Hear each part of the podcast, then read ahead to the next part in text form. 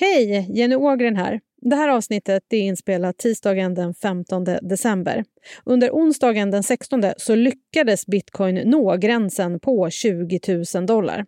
I avsnittet så pratar vi om varför just 20 000 dollar har varit en magisk gräns för bitcoin, vilket alltså nu har inträffat. Så nu vet ni om det. Nu kör vi igång.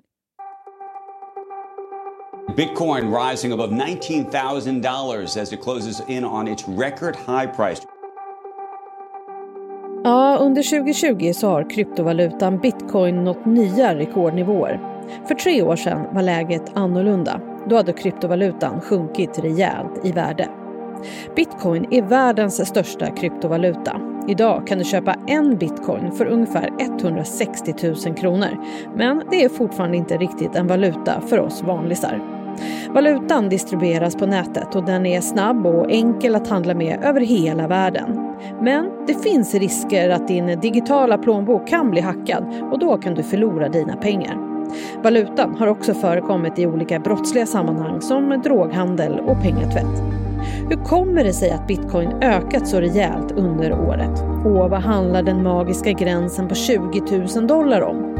Och när kommer kryptovaluta bli en del av vår vardag? Det här tar vi upp i dagens Aftonbladet Daily. Och det gör vi med Totte Lövström. Han är VD på kryptovalutabörsen Trio. Han får börja med att förklara varför valutan är så stark just nu. Framförallt all den orolighet som, som vi ser i världen just nu med corona och eh, amerikanska valet tror jag har påverkat mycket. Det gör att eh, företag framförallt över hela världen köper på sig väldigt mycket bitcoin nu. Eh, och när de gör det så driver de samtidigt upp kursen. Så det har att göra med att det pågår en pandemi? Ja, eh, det vi såg framförallt i mars var ju att när, när alla aktiemarknaderna kraschade och, och marknaderna för guld och råvaror också kraschade så hängde också kryptovalutemarknaden med. Eh, däremot så har vi sett att återhämtningen sedan dess har varit mycket starkare. Det verkar finnas också någon form av drömgräns på 20 000 dollar. Vad betyder det? Kan du förklara Totte? Ja, egentligen så handlar det om att eh, förra gången som bitcoinpriset rusade 2017 så stannade det på ungefär 19 500 dollar. Eh, sen så har med tiden så har det där växt psykologiskt till att man tänker att det var ungefär 20 000 dollar som var, var den tidigare toppen så att säga. Eh, så även om vi har slagit den toppen, rekordet just nu är, är 19 998 dollar eller något sånt där, så det är precis under 20 000. Och av den anledningen så blir, blir 20 000 dollar just en, en viktig psykologisk gräns att ta sig över. Och vad betyder det att det är stora företag som investerar i kryptovalutan bitcoin just nu? Eh, man gör det av lite olika anledningar. Till exempel så köper Paypal och eh, en amerikansk eh, startup-app som heter Cash App. De köper väldigt, väldigt stora mängder bitcoin.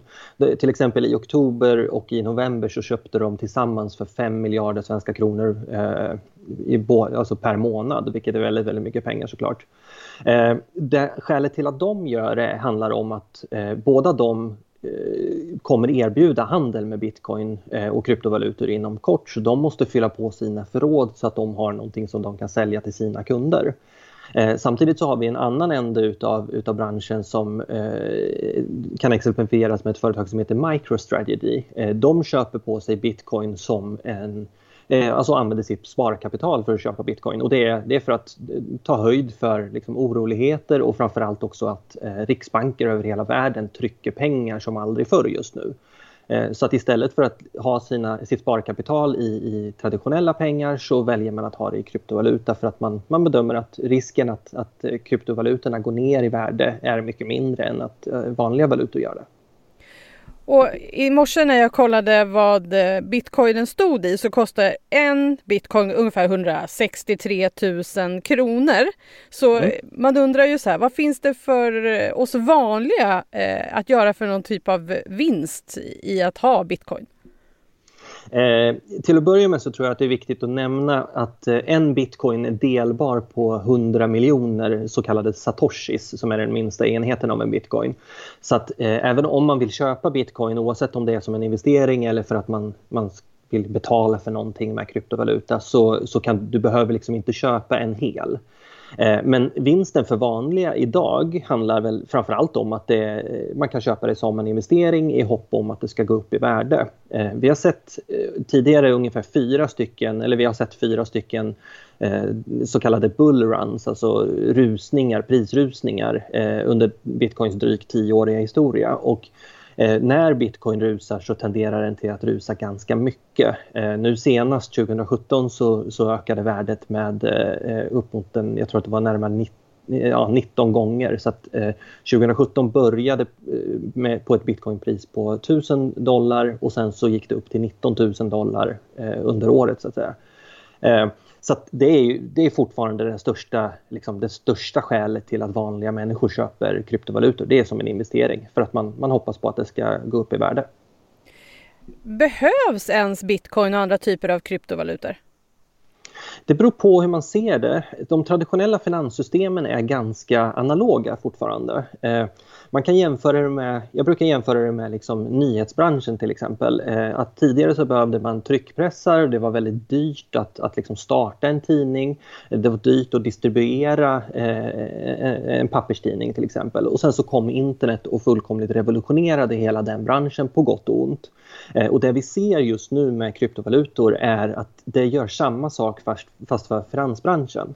Eh, så i den mån, om vanliga dödliga i framtiden kommer att hålla på med kryptovalutor i, i speciellt hög grad. Det är svårt att svara på. Eh, däremot så kan vi nog vara ganska säkra på att, att finansbranschen använder kryptovalutor som ett sätt att, att eh, skicka pengar och värde till varandra. Eh, så att det blir liksom det som händer i bakgrunden eh, snarare än att du går till ICA och betalar med, eh, med bitcoin. Det är ju så, man kan eh, vara anonym när man handlar med kryptovaluta och det har i vissa fall lett till att det handlas med valutan i kriminella sammanhang som till exempel pengatvätt och droghandel. Nu håller EU på att upprätta ett regelverk nu för att förhindra eh, det här. Vad, vad tror du om det?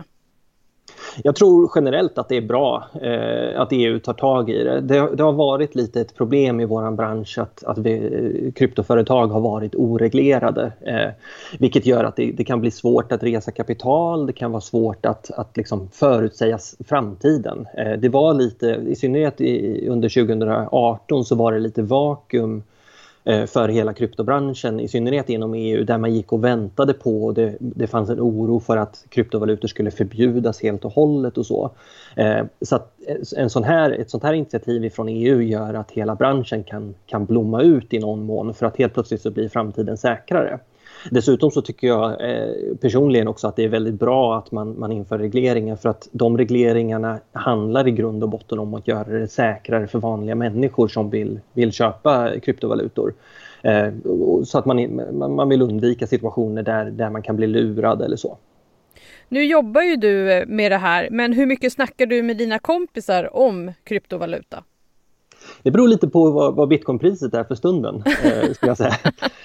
Eh, för att det är, om vi säger liksom 2018 när, när bitcoinpriset gick ner eh, väldigt mycket, eh, väldigt många procent och i princip kraschade, då var det ganska få som var intresserade av att prata om det. Sen så nu till exempel när, när priset har gått upp, var det tre gånger, ja, 300 procent i år eller något sånt där, eh, då, då vill folk helt plötsligt prata om det igen och det är då jag, jag, min frisör till exempel, jag var och klippte mig nyligen och eh, frisören frågade så här, vad jobbar du med? Eh, och han har frågat det tidigare och då svarade jag kryptovalutor och då var han noll intresserad av att prata om det. Men nu senast när jag svarade samma sak så var han så här, åh vad, vad, vad intressant, jag har funderat på att köpa kryptovalutor. Så det där styrs ju lite grann av, av eh, eh priset skulle jag säga. Så när tror du att kryptovaluta eh, som bitcoin till exempel kommer vara en del av vår vardag?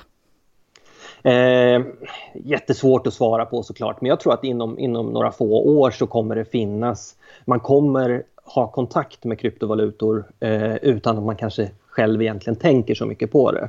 Eh, man kan jämföra kryptovalutor med eh, HTTP-protokollet som är liksom fundamentet för hela internet egentligen och som alla använder varje dag.